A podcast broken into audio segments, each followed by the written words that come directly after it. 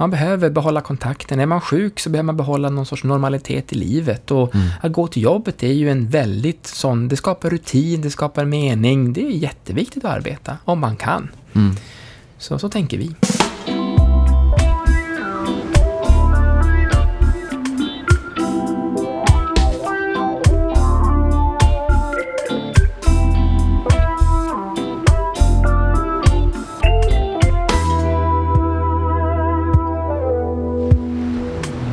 Varmt välkomna till Vårdfrågan. Det är en podd där vi eh, diskuterar vård och tandvård och sjukvård och hur vi kan ge bättre vård till ännu fler. Jag är här i Piteå igen på Cederkliniken med Petter Torda. Eh, Jag är här idag för att prata om eh, sjukskrivningar och en särskild modell som det här gänget har utvecklat och haft väldigt fina resultat av. Eh, ni som har lyssnat lite på vårdfrågan har ju hört Petter tidigare, men jag tänker du kan väl bara nämna några ord om dig själv och var vi är någonstans igen. Mm, absolut. Petter Thor heter jag, jag är då distriktsläkare och verksamhetschef här på CD-kliniken i Piteå. En medelstor vårdcentral med 12 000 listade patienter i en ganska liten svensk stad, Piteå. Mm. Kul att vara här Petter. Eh, förra gången så snackade vi om digitalisering, digitala vårdmöten, lättakut och massor med annat. Mm. Nu är det ett helt annat ämne. Nu ska vi prata sjukskrivningar och kanske komma in lite grann på psykisk ohälsa. Eh, nya folkhälsoproblemet om man får uttrycka sig lite slarvigt. Eh, jag tänkte att vi kunde inleda faktiskt med en fråga från psykologen Evelina Bil som arbetar på en barnläkarmottagning som heter Stockholm Kids. Hon eh, undrar varför det är så svårt ofta att prata om just psykisk ohälsa. Mm. Hon har säkert tänkt en del på det också, men vad, vad, vad känner du om det? Ja, det finns ju en stigmatisering eh, kring det här som är, som är olycklig. Eh, och Bra fråga, svår fråga. Vi, vi som jobbar med det här, menar, vi är 25 procent av alla vårdkontakter i primärvården rör ju psykisk ohälsa, så för oss är det här ju vardag, en stor del Mm. av vår vardag. Och det är ingenting som är konstigt eller något som är stigmatiserat för vår del, men vi märker ju det att de som söker är det ju för vissa det. Jag vet faktiskt inte om det finns kvar någon gammal, någon gammal skam sen mentalsjukhusens tid, att Mm. man, man var galen, hamnade man på hispan, något sånt där. Men det är ju väldigt länge sedan de försvann. Men, men det finns där, jag, jag vet, vet inte vad det beror på. Det, jag kan inte svara på vad det beror på. Men däremot så ser vi nog att det minskar, tycker jag. Och det är ju Mm. positivt, att Mm. man vågar prata om det här. Det är inte lika stigmatiserat längre kanske. Framförallt kanske hos den yngre Mm. befolkningen. Kan nog prata om det vara en väg till att minska psykisk ohälsa, tror du? Jag tror det. Jag tror att det är viktigt att vi, vi jobbar för att, att tänka att det här är på samma sätt som att om, om man har stukat eh, handleden och så behöver den lindas in i en elastisk linda. Så om man har stukat själen behöver den också vårdas en stund och sen Mm. blir den hel igen och så är det bra. Eh, man ska varken eh, bagatellisera eller stigmatisera. Eh, i, I primärvården så har vi ju framförallt ansvar för en ganska vardaglig psykisk ohälsa som drabbar människor mitt i livet med, med kriser och, och dödsfall i familjen till exempel, eller depressioner och ångest som också man har ganska hög livsrisk att drabbas av någon gång i livet Mm. eh, som människa. Man pratar ju, tycker jag, ganska mycket om eh, stress idag. Stressad Mm. vardag och sådär. Jag vet inte, slänger man sig för lätt med det begreppet? Eller är, är vi stressade eller är vi bara liksom uppe i varv? Eller vad? Ja, det är ju svårt att säga.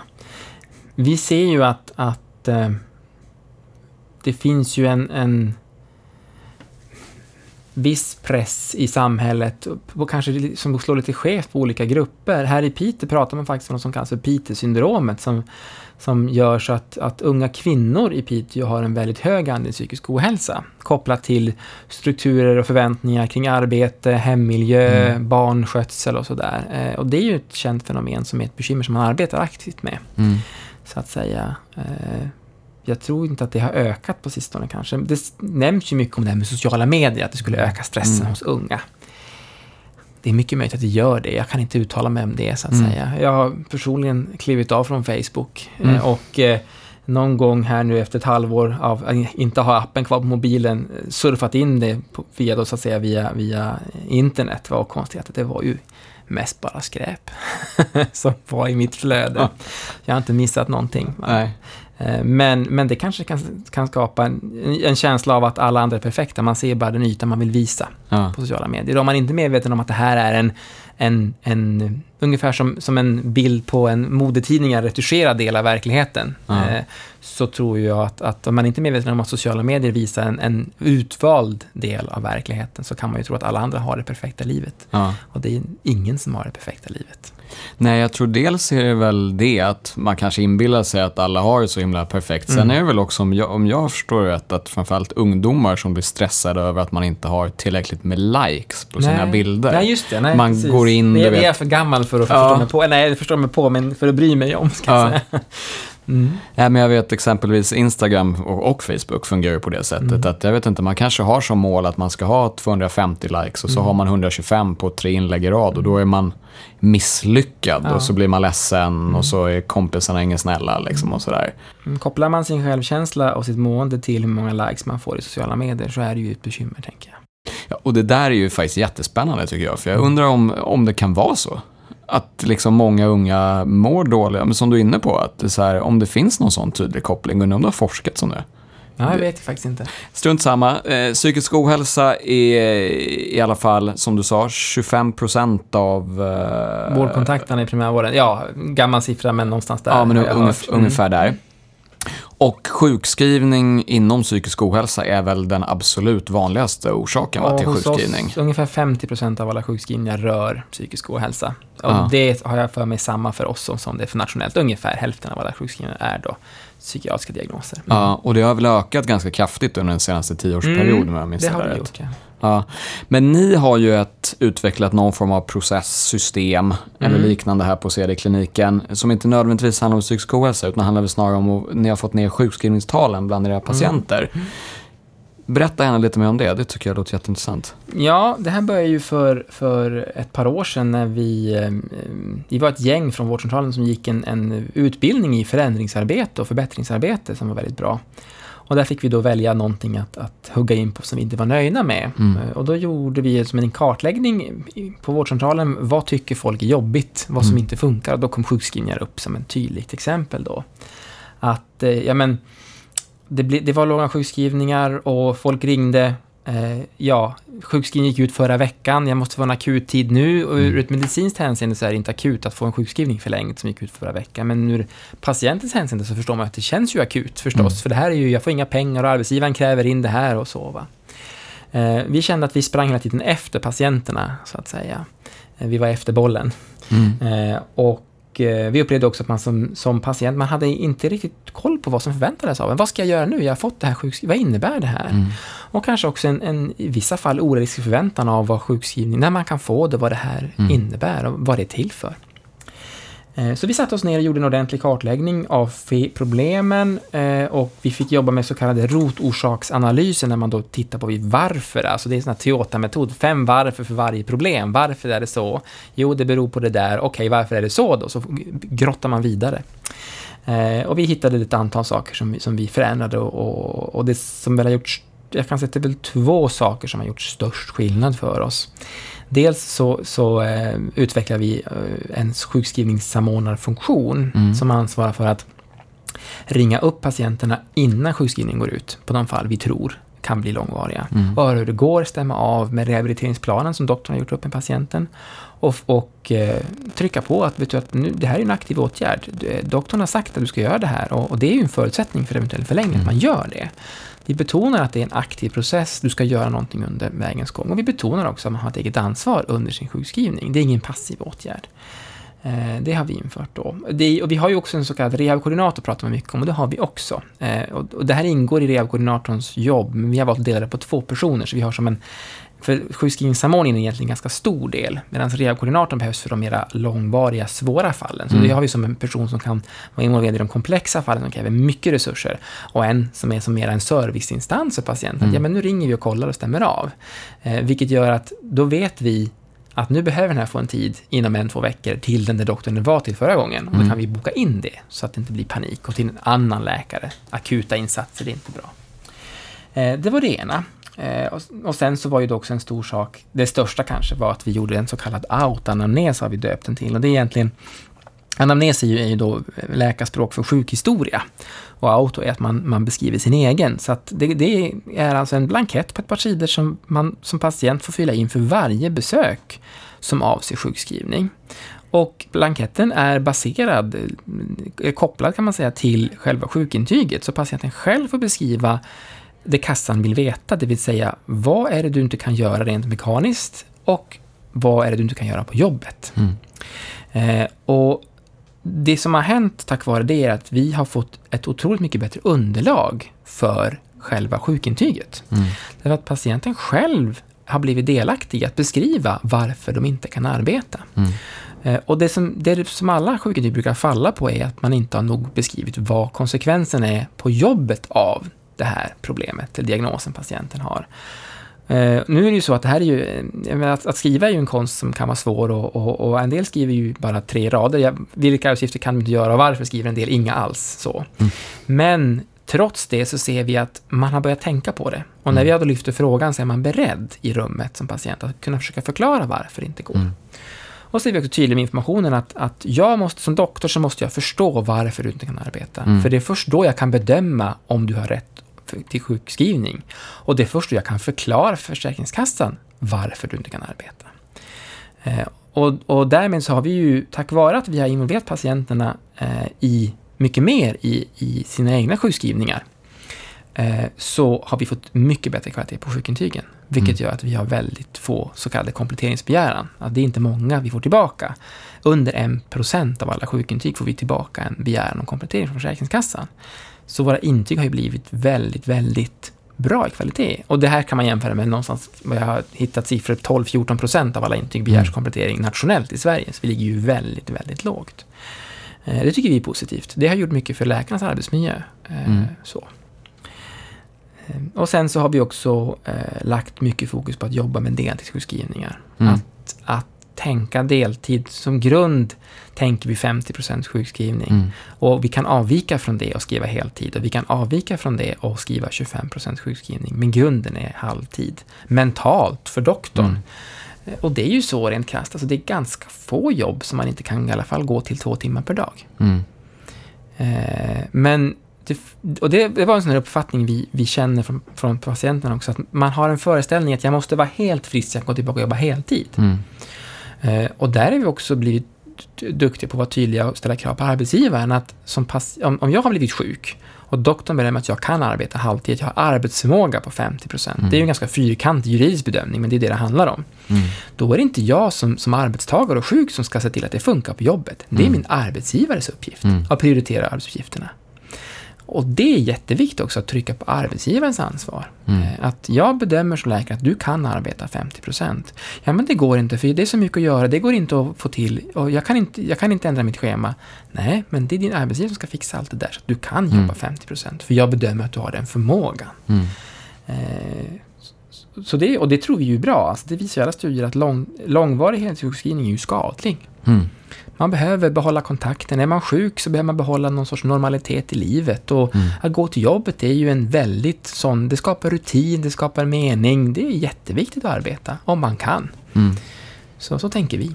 Skulle du säga att det även gäller för psykisk ohälsa? För jag vet att det var Mm. en diskussion här under förra socialförsäkringsministern Ulf Kristersson när han i något utspel för fyra eller fem år sedan eller vad det var, eh, då eh, menade att det kan vara bra för personer som då är sjukskrivna för psykisk ohälsa att kanske jobba en eller två dagar i veckan Mm. just för att ha en relation till jobbet, rutiner och annat och inte bara komma tillbaka som en, ska uttrycka mig drastiskt, käftsmäll Mm. åtta månader senare. Jag tänker absolut att det är i allra högsta grad relevant för psykisk ohälsa, kanske ännu viktigare där. Ja. Därför att, apropå det här med stigmatisering, att man blir borta från jobbet när man är deprimerad eller har ångest och tar bort det normala där man faktiskt kan ha en fungerande vardag och bara finnas i sitt kaos hemma. Mm. Då har vi tagit bort någonting som, vi har vi tagit bort en friskfaktor i livet Mm. och det är farligt.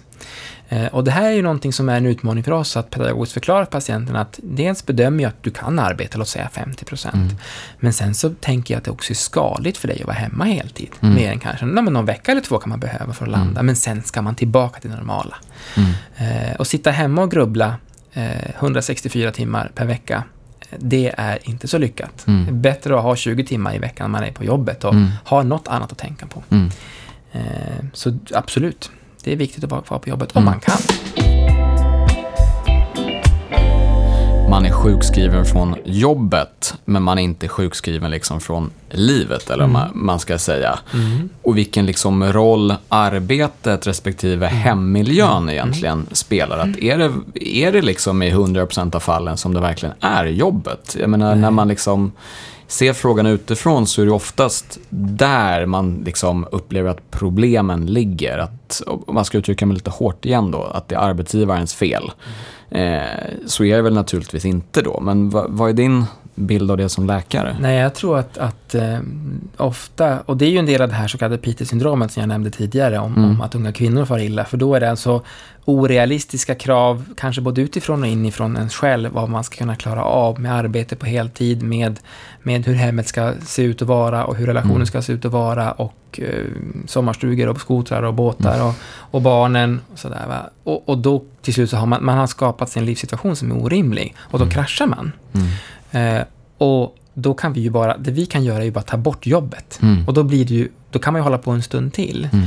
Eh, så där är vi tydliga med att vi försöker kartlägga allting kring när man mm. dåligt. Och just att ja, men det här är ju inte rimligt, det är därför det inte fungerar för dig, det här måste du ta tag i. Mm. Och Försäkringskassan är också ganska aktiv. Eh, att fråga upp och se hur ser det ut kring dig, för det ingår ju mm. också. Eh, jag brukar säga att, att, att, vara hemma från jobbet heltid i tre månader och vila upp sig, eh, om man blivit utbränd till exempel, mm. det, är ju, det är ju lätt. Mm. Eh, och, och, komma tillbaka sen brukar också gå ganska bra. Men utmaningen är ju att förändra grundproblemet mm. i ditt liv så att du inte hamnar här igen. Mm. Och det är det man behöver ta tillvara. Under sjukskrivningstiden behöver man ta tillvara på den tiden man får för att faktiskt förändra grundproblemen i livet. Mm. Och det är också en aktiv sjukskrivning då, så att mm. säga. Sen vid utmattningssyndrom så är man ju, då är det ju några månader innan man ens orkar tänka på det och det måste man ju ta hänsyn till. Men, men man ska tidigt börja prata om det här, att det här beror ju på någonting. Och det kan hända förstås, det är bara arbetet, men det är ganska sällan det är bara arbetet som mm. orsakar det. Vi mm. ser relativt sällan rena arbetsrelaterade utmattningssyndrom. Mm. Mm. Vi ser betydligt fler eh, stressreaktioner, eh, överbelastningsreaktioner som beror på att livet man lever inte är hållbart i mm. längden. Och då är det både jobbet och privatlivet som är involverat i den ohåll, ohållbara situationen, så att säga. Mm. Jag skulle säga för egen del, jag är nog, jag har ju småbarn, en eh, treåring och en sexåring. Jag är nog mer stressad på semester mm. än vad jag liksom är, mm. Mm. är, när jag är på jobbet eller hemma. Ja. Det kan ju naturligtvis skilja sig från arbetsdag till arbetsdag, men det är ju liksom jobbet kan man ju på något sätt lättare att hantera än två småbarn som är uttråkade när det ösregnar och man sitter i en stuga i en skog. Mm. Liksom. Vi hade en, en, en trebarnspappa som jobbade där förut och vi hade haft en utvärdering av, av sommar. Vi utvärderar alltid sommar på våra planeringsdagar vi har i ja. september. Och då, då, hade han skrivit att, att det hade varit en hemsk sommar. och då, liksom, och då var ju, följdfrågan var ju då, ja, men varför det varit så hemskt? Ja, han var varit pappaledig med tre barn, skrev han. Han hade inte jobbat alls. Va?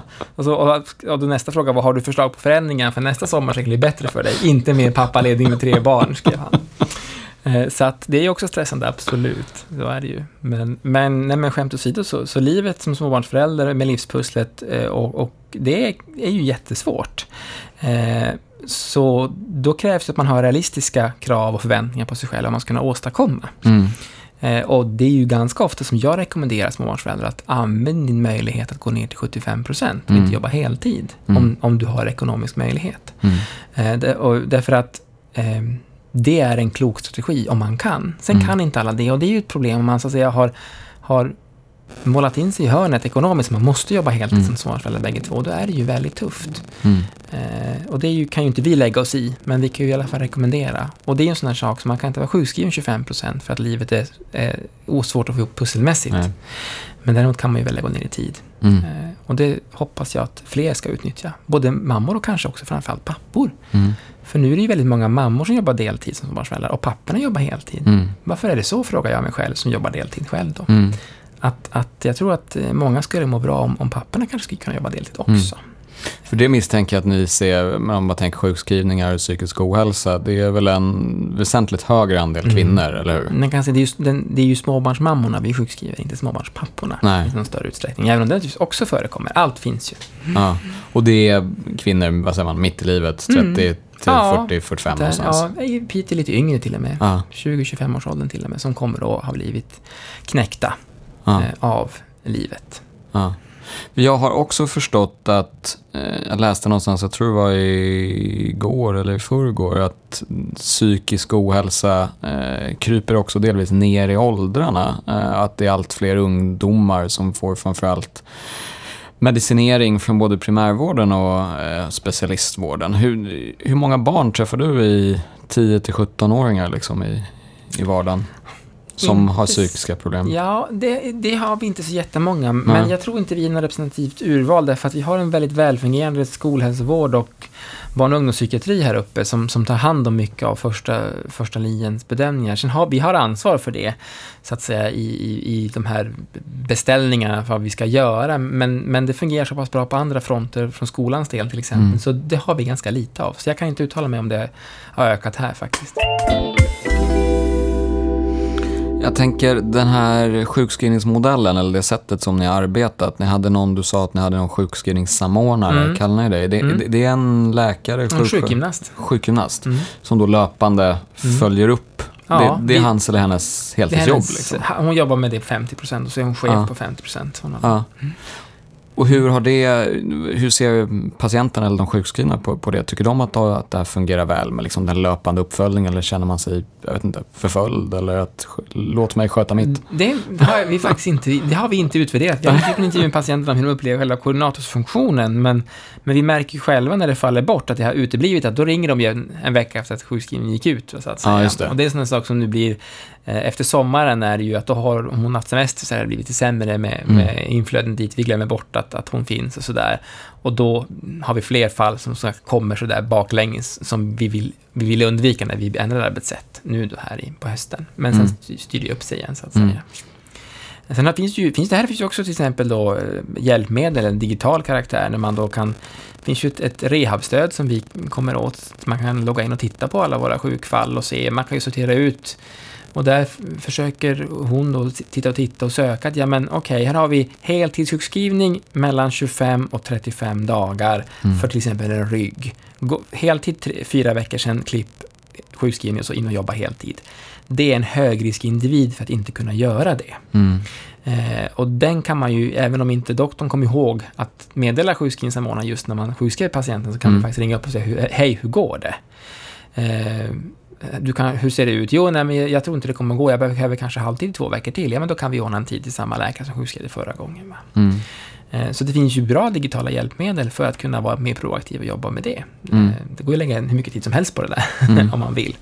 Eh, Jag tror att det är väl investerad tid också, för att det blir så mycket bättre för patienten också. Och, och komma till samma doktor som du hade för, i, i god tid innan sjukintyget har gått ut, skapar mindre oro för, för patienten, det skapar en bättre, enklare bedömning för doktorn, mindre risk för komplettering från Försäkringskassan till exempel, när man inte byter läkare utan det är samma. Det, Mm. det blir bättre för alla om Mm. man får ihop det. Och apropå Försäkringskassan där, de eh, får ju löpande en del eh, kritik från just vården för Mm. att det var svåra att ha att göra med eh, just med Mm. sjukskrivningar. Hur, hur upplever du den relationen? Ni hade, ni hade ju minskat det Ja, ganska rejält. Alltså, jag kan säga, vi har som inte så mycket relation med Försäkringskassan längre. Nej. Vi fick ju mycket begäringar och kompletteringar där. Det var väl hösten 2016 när det var så mycket media också. Men sen så har det ju, i och med att vi jobbar med det här nu, så har det ju, vi har ju, ja men en per månad har vi en Ja.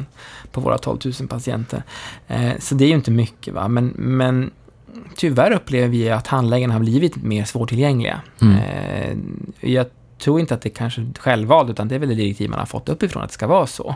Mm. Att det är svårare att, att få till sådana här samordningsmöten och sånt där. Det, det, det är väldigt tråkigt, tråkig utveckling, Mm. så att säga. Men, men vi har ju också, i och med att vi har jobbat med sjukförsäkringen mycket, har vi ju också lärt oss mer om Försäkringskassans uppdrag och till skillnad från vad vårt uppdrag är. Och det tycker jag har gett oss en mer fördjupad förståelse för vad det är de egentligen gör Mm. mot vad vi gör och vilken roll vi har.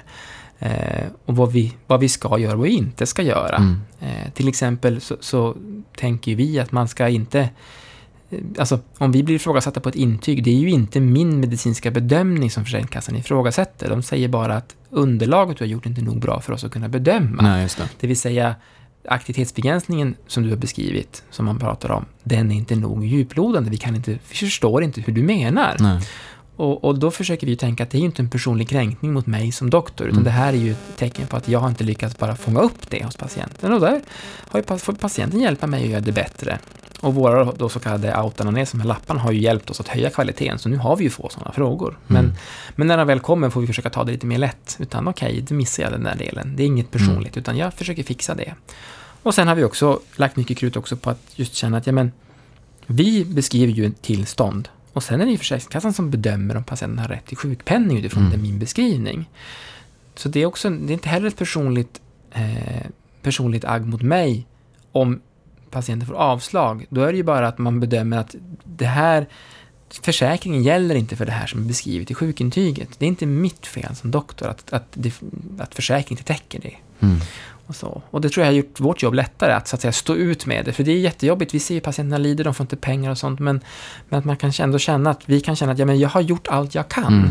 men nu kan jag inte göra mer. Och då Mm. måste jag be dig som patient att du överklagar och driver det här vidare. Mm. Då är det utanför min kontroll. Och Mm. ändå känna att trots det så, det här var för jäkligt för Mm. dig som min patient. Men, men jag måste kunna gå, lämna det och gå vidare och ändå gå hem och må bra med mina barn. Mm. Så det, det är viktigt att man liksom på något sätt försöker ha en professionell distans till det här också. För att kunna funka. Ja. Det har vi jobbat mycket med också. Och om man då som patient känner då att man har rätt till eh, sjukersättning eller Mm. eh, till pengar och du som läkare kanske gör en liknande bedömning Mm. så säger Försäkringskassan nej. Är Mm. liksom, var brukar liksom irritationen riktas? Är det mot kassan huvudsakligen? Ja, det är det mot kassan. Mot det är inte mot oss. Nej. Mm. Men sen har ju vi också, det är klart att jag tror att vi har kanske fått mer irritation mot oss än förut möjligtvis, eftersom att vi har jobbat så mycket med att tydliggöra för oss också vad som gäller vid sjukskrivningar och Mm. vad som är rimligt. Så vi säger nog nej kanske mer nu än vi gjorde förut. Okej. Eh, Och det kan ju vara tufft att få höra. Men där har vi också, försöker vi lägga väldigt mycket fokus på att vi säger nej och förklara varför vi säger Mm. nej. Eh, och och det, det är väl det vi försöker jobba mycket med. Så att, att man som patient kan känna att, okej, känna, ändå känna sig att jag, doktorn lyssnade och förstod, men han eller hon sa att jag inte kunde vara sjukskriven för det. Okej, Mm. men han lyssnade och förstod i alla fall. Det är lättare att acceptera det än att, att doktorn begriper inte vad jag säger och sa, sa bara nej. Då blir man ju Mm. mycket mer missnöjd om man Mm. inte känner sig förstådd. Mm. Men där är jag säker på att vi kan bli bättre.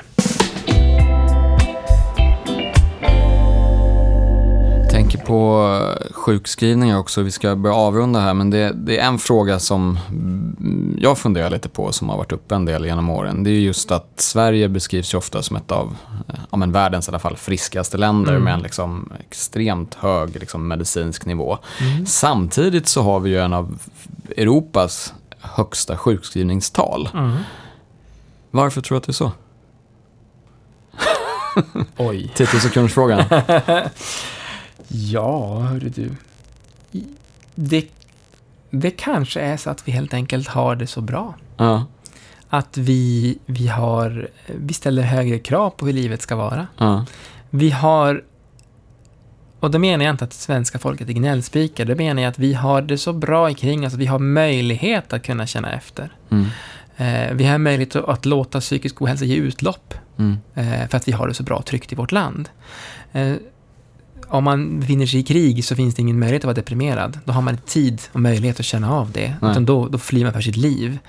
Men här finns möjligheten att tänka och fundera och känna efter att det här kanske inte var så bra. Det är livsfarligt jag gjorde till exempel. Så att det är väl ett symptom på att vårt samhälle är väldigt välfungerande och väldigt välmående mm. i många behov kanske. Mm.